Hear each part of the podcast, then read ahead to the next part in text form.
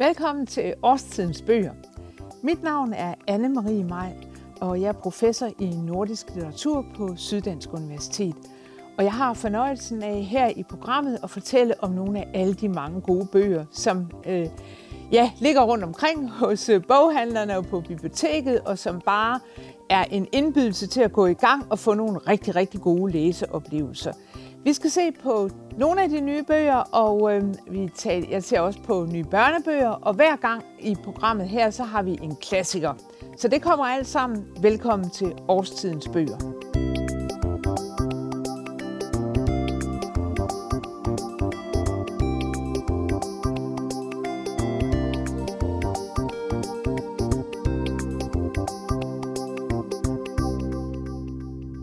Det kan jo være sådan med en øh, rigtig god bog, at øh, det er som at gå ind i et særligt landskab og komme i en særlig stemning, og man har bare lyst til at blive der, fordi det er sådan en god oplevelse, man får, og man kommer i en helt, et helt særligt humør, for en særlig oplevelse af tilværelsen. Og lige sådan er det med den her bog, store, flotte blå bog, Astrid Salbak, Der hvor du ikke vil hen, som er en øh, roman, og den øh, handler om en ung kvinde, Helene, der hjælper sin gamle mormor med at få ryddet op i hendes gemmer. Og så er det, at øh, hun kommer op over nogle breve, som hun aldrig har hørt om, og en historie, hun slet ikke kender til. Og øh, det viser sig, at den handler om en hemmelig moster, som hendes mormor har haft, Anna.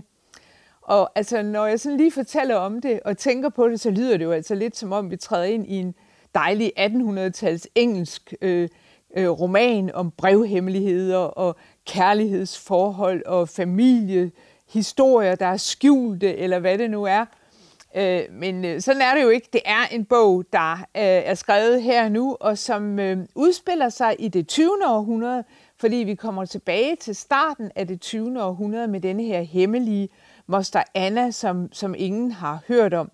Der sker det øh, for hende, at hun, øh, altså hun forelsker sig øh, som ganske ung i en kunstner, en maler, og det er jo altså, hun vokser op på forvejen, og der, der øh, lærer hun altså den her maler at kende og sidder model for ham og bliver meget forelsket i ham, og det ender med, at de får et kærlighedsforhold til hinanden, og det går altså ikke sådan for en ugift ung kvinde på Forborgegnen i begyndelsen af det 20. århundrede.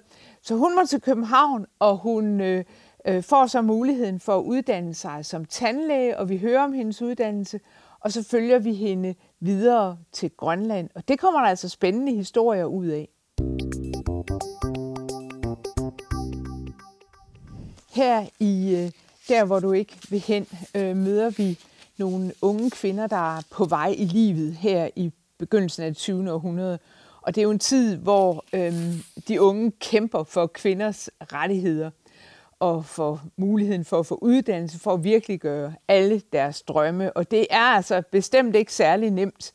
Og øh, de her kvinder, som Astrid Salbak fortæller om, at de er virkelig seje. Men de er ikke sejrende heldinder. Det er ikke sådan, at alt det, de drømmer om, det lykkes for dem. De havner også lige præcis der, hvor de ikke vil hen. Men altså, Moster Anna der, hun uddanner sig som tandlæge, og øh, hun får en øh, veninde på studiet, Jenny, øh, og altså den der karakteristik og tegningen af de, de her personer, den er, den er meget fængende, men, men det var med i deres øh, tilværelse og deres drømme. Og øh, de går altså, de uddanner sig som, som, øh, som tandlæger. Og så er der jo det, at øh, det er jo på den tid, hvor den spanske syge herrer så voldsomt, altså den vi taler om, øh, har talt en hel del om her i coronatiden og sammenlignet lidt med, hvad coronaen over for den spanske syge. Og her kommer vi altså tilbage og oplever menneskers hverdagsliv under den øh, spanske syge. Og der sker jo altså desværre det, at øh, Annas veninde Jenny, hun dør meget ung øh, af den her skrækkelige sygdom, den, den spanske syge. Men øh, jeg vil lige øh, tage et lille stykke frem af romanen, så man kan få en oplevelse af, hvor øh, hvor fint den er fortalt, og det bliver et lille sted, hvor Anna og Jenny de følges gennem København. Det skal vi høre nu. Himlen var diset blå, en solsort sang ufortrøden gennem larmen fra trafikken. De satte det lange ben foran, havde begge to tasken fuld af bøger og noter, som de skulle hjem og studere. De havde haft kliniske øvelser hele dagen, og udført behandlinger, først på fantom og så på de patienter, de fik tildelt. De havde lært at bruge gips og tandcement. Hver anden dag hele foråret skulle de arbejde på skolens kirurgiske klinik og hver anden på tandfyldningsklinikken under vejledning af en lærer. Om kun lidt over et år ville de være færdiguddannede tandlæger med ret til at praktisere. Allerede sagde de til hinanden. Anna tog Jennys arm.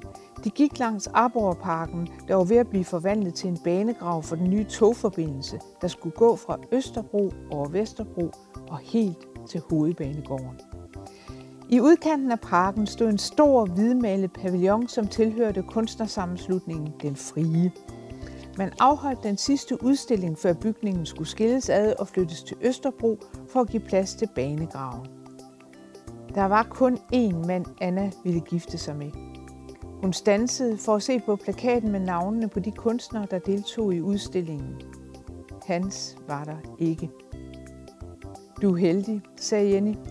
Du har oplevet den store kærlighed. Det ville jeg gerne. Også selvom den ikke bliver til noget.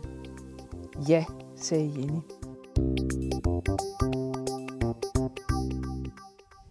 Når man øh, læser i Astrid Salbaks roman, så er det næsten som at blade i gamle familiefotoalbum.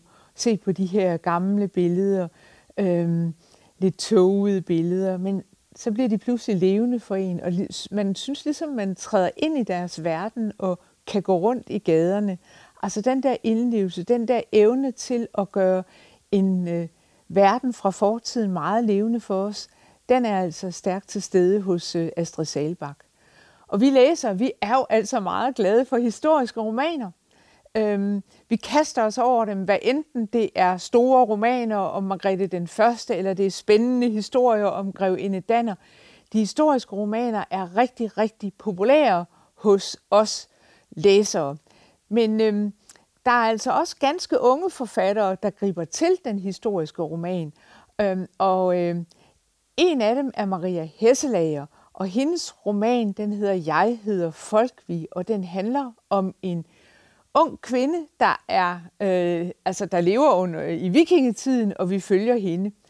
Og det er en spændende historie, der kommer ud af det. Den, man skal lige ind i den. Øh, den har en særlig poesi, og vi følger altså folk vi der, der er ung og lidt usikker på tilværelsen, og hun har en masse lyst til at forelske sig, også usikker over det selvfølgelig, og alt det, der sker øh, i hende, både med, øh, sådan fysisk og psykisk, nu hun er ved at blive voksen. Og hun er meget nært knyttet til sin bror, og hun er usikker på, hvad der, hvad der egentlig vil ske den dag, at han gifter sig, og vi hører i øh, romanen om hans bryllup. Jeg vil lige give et lille indtryk af den, øh, særlige, det særlige rum, som, som øh, Maria Hesselager får åbnet med Jeg hedder Folkvi, øh, og vi er i en situation, hvor øh, den unge kvinde, Folkvi, hun har fået øje på en ung mand, og han har også fået øje på hende. Men så kiggede han hurtigt på hende. Han kunne sikkert mærke hendes blik, og måske følte han det som en hån, selvom det nærmest var det modsatte, hun ønskede. Ikke at håne, men at støtte. Han hvilede blikket på et punkt bag hende, som for at antyde, at hans blik var glidet ligesom tilfældigt gennem rummet, og ligesom tilfældigt havde strejfet hende. Men han havde set på hende. Hun havde set på ham. Der havde været øjenkontakt, og han havde ikke smilet.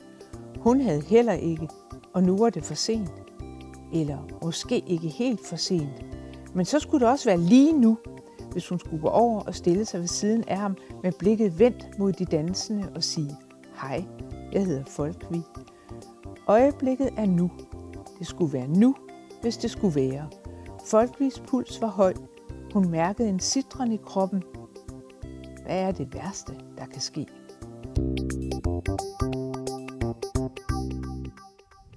I Jeg hedder Folkvi, der møder vi en kvinde i vikingetiden. Når vi så går til øh, Katrine Grønfeldt, så er vi tilbage i nutiden i den her roman Værelse samlet af kvinder. Og det er en roman, der handler om en midaldrende kvinde, øh, som bryder ud af sit forhold og flytter fra sin mand og faren til sine børn øhm, og slår sig sammen med en veninde, der er i samme situation som hun selv. Men øhm, det er jo altså noget af en øh, udfordring at skulle begynde forfra, når man er midalderne med sådan en startkasse fra IKEA, og så altså en masse rod i sin egen kraniekasse, og hvor man ikke kan rigtig hitte ud af sine følelser. Og ja, altså øhm, forholdet til børnene øhm, ændrer sig jo også. Og alt det, det tager øhm, Katrine Grønfeldt fat på i sin bog. Det er egentlig sjovt at se, hvor mange måder man kan skrive på om nutidens mennesker, og om problemer og vanskeligheder i kærligheden og i parforhold. Fordi Katrine Grønfeldt har bestemt, bestemt sin helt egen måde at gøre det her på. Øhm, det er sådan en korte prosastykker, og, og de har sådan er til en, en pointe, en filosofisk pointe næsten. Altså indimellem så har jeg sådan oplevelsen af, at, at øh, det er som om, der bliver sat sådan trykket små tegnestifter ind i en, en væg øh, med de her stykker om, hvad det er, der er værd at huske på. Og samtidig så er der også en meget stor sådan, følsomhed øh, over for, for kvinden, og over for det menneskelige, over for det, og at noget går så voldsomt i stykker, som, som det er, når et kærlighedsforhold er forbi.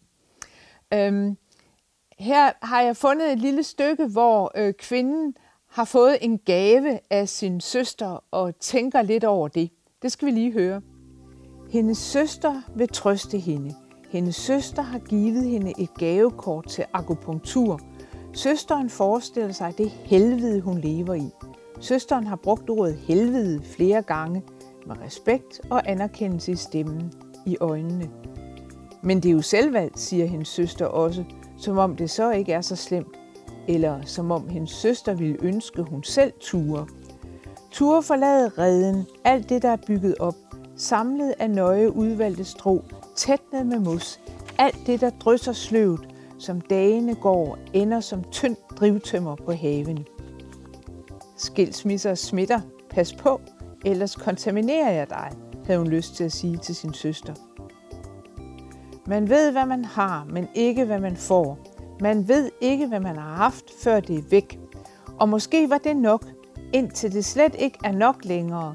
Er det ordet nok, der skifter betydning, vægtes anderledes. En lille blond akupunktør tager imod i døren til et rum, der dufter af eteriske olier. Buddha sidder stor og fedladen på gulvet. Akupunktøren sætter sig på den marokkanske puff.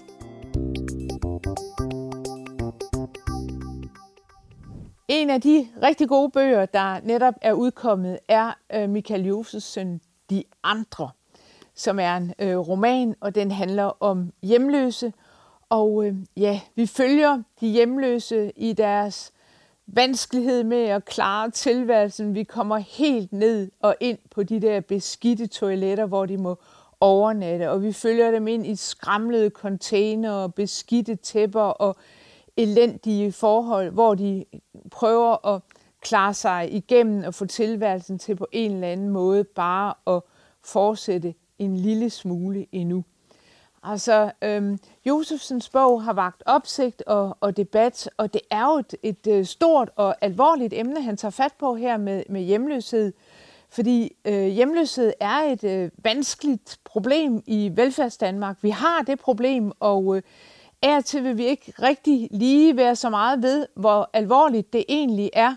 Og jeg tror, vi alle sammen har prøvet det der med, at man lige når man ser en hjemløs stå med sit øh, hus forbi blad øh, foran øh, indkøbscentret, så skynder man sig lidt væk, eller man kigger i den anden retning, fordi man kan ikke rigtig have følelsesmæssigt med det der at gøre. Eller også så skynder man sig at finde øh, en 20'er frem af, af sin lomme og lige stikke den til den hjemløse, og så, så skynde sig videre. Og der har Josefsen altså fået fat i et, øh, et vigtigt emne her i sin bog De Andre. Og øh, ja, altså, øh, han følger jo de her forskellige karakterer. Det er ikke sådan den samme person, men vi kommer rundt mellem nogle forskellige karakterer. Og nogle af dem går virkelig fuldstændig ned, og andre redder sig lige præcis øh, igennem. Og altså det der med at give et indtryk af, hvor svært det er at klare sig fra time til time, bare få en lille bitte smule varme et sted, når det er iskoldt om vinteren, øhm, det, det får Josefsen altså frem i sin bog. Og vi skal lige høre et lille stykke, hvor Kjell Mås, en af de hjemløse, han går ind i et indkøbscenter for bare at få en lille smule varme. Han må ellers jo ikke være i det indkøbscenter, men nu er han alligevel gået derind, fordi han altså simpelthen ikke kan holde det ud længere. Han kommer her. Fanden tager vi Kjell Mås. Han var ellers gået lige forbi. Nu vender han sig om og går tilbage, direkte ind i centret. Varmen slår ham som en sommersol. Han vil ikke finde sig i noget. Men skiftet fra kulde til varme gør, at han må stanse og tage sig til kæben. Det begynder at bløde igen. Løber ud af munden og ned af hagen, og da han prøver at tørre det af med en hånd, gnider han det bare rundt i ansigtet. Det er sådan, han går gennem centret. Da der lige er åbent, er der ikke mange mennesker, så han går forbi en del forretninger og hen til caféen. En kvinde standser op. Hun lægger hånden på sin taske og skynder sig væk. Hun ser sig tilbage et par gange. Kjeld sætter sig ned på en af caféens stole. Han mærker, hvor træt han er. Ikke kun den bulrende krop, men hele tilværelsen synker sammen. Det er for hårdt nu. Han mærker gråden i halsen. Hans øjne bliver våde og uklare, og da han gnider dem, efterlades de med et rødligt skær. Nu er han rød i hovedet og i øjnene og på hænderne. Jeg fik jo i dag begyndt med Astrid Salbaks øh, roman om øh, begyndelsen af det 20. århundrede, og hvor vi møder nogle unge kvinder i øh, 1920'erne, det vi kalder de brølende 20'ere, altså det, der sådan er cirka for 100 år siden. Og jeg synes, det så kunne være sjovt at finde en klassiker frem, der netop handler om 1920'erne. Den er skrevet lidt øh, tættere på, altså Astrid Salbaks roman er jo fra her det her forår, men jeg har fundet en bog, øh, som er skrevet 1931, og som også handler om de her brølende 20'ere, og det er Knud Sønderbys Midt i en jazztid. Øh, og det er en af de bedste romaner, vi har i dansk litteratur fra den her periode. Den handler om at være ung i en tid med mange forandringer, øhm, og den handler om øh, jazzen og om at få jazzen i blodet. Øhm, vi følger en ung mand, øhm, Peter, som øhm, går sværmer lidt for en øh, kvinde, en ung kvinde, Ellen, og øh, altså, vi kommer tilbage til den tid, da vores egen øh, oldemor, eller tipoldemor måske, sad og drak sodavand med sin udkårne og spiste sandkage på sådan en, en lille restaurant. Og det er netop der, vi møder øh, Sønderbys øh, unge mennesker her, Peter og Ellen, som sidder nok så nydeligt og, og spiser sandkage og drikker sodavand og taler om deres forhold. Og det er sådan med det forhold, at Øh, Øh, de ved ikke rigtigt, om det skal være dem, og de beslutter sig så for, at de måske skulle mødes igen om et år og se, om en af dem har forelsket sig, eller de begge er forelsket i en helt anden person, eller det, om det faktisk skal være dem, der finder sammen. Peter, han øh, nyder sådan sommeren, og han dyrker noget sport, og han læser lidt og går på café og ja, lytter til musik. Øhm, han kan ikke rigtig finde en retning i sin tilværelse. Men så sker der det, at han bliver forelsket i en ung kvinde fra et øh, lidt bedre miljø, et øh, det bedre borgerskab, Vera. Og hun har dyre vaner og øh, inviterer Peter med, og han må også sådan, ja, altså skaffe nogle penge for at følge med i det, de mange forslag, hun har til, hvordan de skal more sig. Og der er sådan, der er sådan en løsluppende stemning over det. Sådan, altså netop de brølende 20'ere, synes man, man kommer ind i. Og øh, ja, altså forholdet til Vera, det ender med, at det går ikke. Og så er det jo altså, Peter han skal mødes igen med Ellen og se, hvordan øh, det nu er gået i løbet af det år, de har aftalt, at de skulle øh, lade gå, før de skulle ses igen. Og de mødes også. Men så er det jo, at Ellen, hun har, ja, hun har jo fundet en, en anden kæreste, og Peter, han sidder sådan tilbage, temmelig fortabt på en badebro, og ja, hvad skal der blive af ham? Hans liv har stadigvæk ikke fået nogen retning. Øhm, en af de bedste bøger fra, øh, fra det her tidlige 20. århundrede, den er genudgivet af Lars Peter Rømhild i øh, 2018 af det Danske Sprog- og Litteraturselskab i deres klassikerserie, og det er faktisk en rigtig fin øh, udgivelse, hvor Lars Peter Rømhild så også har taget en anden roman af Knud Sønderby med To mennesker mødes, og den handler om en øh, en professorsøn og en ekspeditrice, der falder for hinanden, og de er meget tiltrukket af hinanden, og de har det godt sammen, men deres forhold kommer altså også i problemer, når de sådan går ud og er sammen med venner og familie, fordi der kommer deres klasseforskelle, altså de forskelle, der er på dem i klasse, de kommer frem, og, og det viser sig at være meget svært. Og Sønderby er utrolig god til at få det her fortalt, sådan at det, det begynder at leve for en, hvad det egentlig vil sige at komme ind i det her bedre borgerskab fra en helt, for en helt almindelig pige af jævne kår, og hvordan, hendes, øh, hvordan hun altså ender, altså hun kommer til at afsløre sig over for de her fine mennesker, og de synes ikke om hendes måde at opføre sig på. Og det vises meget, meget enkelt i, at hun sådan fortæller om, at hun er glad for musik, og så vil hun omtale en musiker, og så siger Kirsten, hun har hørt om en musiker, og så kigger de her fine folk på hinanden, så er hun ligesom placeret, og hun hører ikke hjemme hos dem. Det er så godt lavet af Sønderby, og han, øh, ja, man skal læse ham, og gerne her nu, hvor vi går ind i de brølende 20'ere. Vi skal lige lytte til et lille stykke af romanen, og jeg har fundet et sted, hvor vi hører om Peter, der sidder på sit pensionat værelse og læser. Og nu kan man måske godt undre sig over, hvad en pension er, et pensionatsværelse er, men det var altså et sted, rigtig mange unge mennesker under uddannelse boede, og hvor de fik kost og logi. Et pensionat. Det kommer her. Om eftermiddagen lå Peter sommetider på sit værelse og læste. Sådan lå han et par eftermiddage senere sidelæns på sofaen med ansigtet ind mod væggen og bogen foran sig. Han læste for dem skidt den dag og var irriteret over det. En gang bankede det på døren. Det var pigen efter tetøjet, vidste han. Han svarede ikke. Man skal ikke altid svare, når en kvinde vil en noget. Man skal være kold og ophøjet sommetider. Og irriteret. Man skal hævde sig. Da det bankede for anden gang, sagde han, kom ind til bogen med rynket bryn og ryggen ud mod værelset. Døren gik op. Hvad vil de? sagde han og læste videre. Hun ville hente hans tebakke, sagde hun. Hvor den var? Hun kunne ikke se den. Kender ikke noget til, sagde Peter og bladede en side frem. Han havde ikke læst den forrige færdig. Så hørte han, at hun stilfærdigt begyndte at lede efter den. Det var ellers skik der i pensionatet, at man selv satte bakken ud, når man lavede ulejlighed med at drikke hos sig selv. Hun flyttede to sko fra gulvtæppet hen i krogen, hvor de skulle stå. Hvad kom hans sko hende ved? Hende havde han også haft noget med at gøre. En gang havde de været dus, når ingen hørte på det selvfølgelig. Det var irriterende. Hun ledte efter bakken. Den stod under sofaen. Han kunne række armen bagud og pege ned og sige der og få det overstået. Hun havde ikke øjne i hovedet. Gud havde hun ej. For resten var hendes øjne jo meget pæne, men irriterende. Så fandt hun den selv og gik stilfærdigt. Det, der er så skønt ved mange af øh, børnebøgerne, det er jo det, at de kan læses med stor glæde af hele familien, og man kan blive ved med at vende tilbage til dem.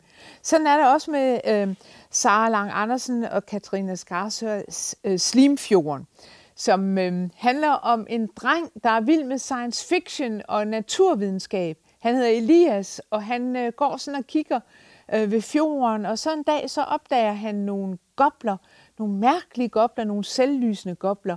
Og han begynder at fantasere om, at det er jo nok nogle rumvæsener, og han øh, vil finde ud af noget mere om dem, og han tager dem med hjem i flasker og prøver at opdage, hvad det der er for noget, og hvordan, hvor de må kommer fra i det her ydre rum. Og så opdager han også øh, en øh, omstrejfende ulv.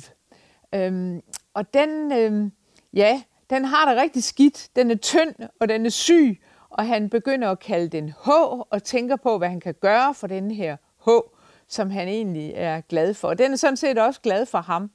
Der kommer også en el til, en el, der svømmer til, og som han møder, og som han også bliver vældig glad for. Og øh, altså, der opstår det her lille fællesskab af en ulv, en dreng øh, og en el. Og øh, altså, øh, Elias prøver at fortælle de voksne, at han altså har, han har set en ulv, og han, han snakker med den, men det tror de jo ikke på, øh, så han begynder i stedet for at sige, at øh, det, er en, det er en omstrejfende hund, han, han møder. Øhm, og der udspiller sig et rigtig fint eventyr omkring de her figurer. Og det, der er så godt ved det, det er, at det jo både har en virkelig side og en fantastisk og eventyrlig side, og at vi går lige fra det ene plan, fra realismen ind i fantasien og tilbage igen. Det er en stor fornøjelse. Og jeg vil lige tage et lille stykke fra bogen, og det er der, hvor Elias øh, skal møde sin gode ven Ulven H igen, og han tænker, at han må altså sørge for at tage noget med, det her stakkels dyr kan spise, for den har det rigtig skidt. Det kommer her. Næste morgen fyldte jeg min skoletaske med pandekager. Og hvor tror du, du skal hen, spurgte mor. Hun luftede stadig ud, så huset sang af vind. Jeg skal mødes med den hund, jeg fortalte jer om. Du skal tappe birkesaft med din far, sagde hun. Det er søndag, og det er sæson. Men jeg skal mødes med H, sagde jeg, og han er meget tynd. Jeg tager pandekager med til ham. Mor kiggede bare på mig med de der birkesaftøjne. Det var et stift blik. Birkesaft, sagde hun. Nu afsted. Far gik rundt i birkelunden og nynnede, mens han samlede flasker. Jeg kan huske, hvor stille der var den morgen. Det var som om jeg kunne høre saften inde i de tynde stammer. Jeg trykkede mit øre mod et træ. Det piblede. Det var et ungt træ. Barken var blank og gyldenbrun, og senere ville den blive helt hvid. Jeg elsker vores birketræer. Rundt om stammerne og ind og ud af små huller sidder alle gummislangerne. Det ser lidt ud som om træerne er på hospitalet. Nu skal jeg selvfølgelig ikke afsløre slutningen på den her historie om Slimfjorden og om Elias og om ulven H og elgen. Jeg vil bare opfordre alle til at gribe den her bog og få slutningen med, fordi det er altså en virkelig skøn børnebog, vi har med at gøre. Det var sådan set alt, hvad der var på programmet her i dag. Øhm, jeg vil opfordre alle til at gribe til bogen og give sig tid til at læse og nyde årstiden sammen med alle de gode bøger, vi har. Tak for i dag.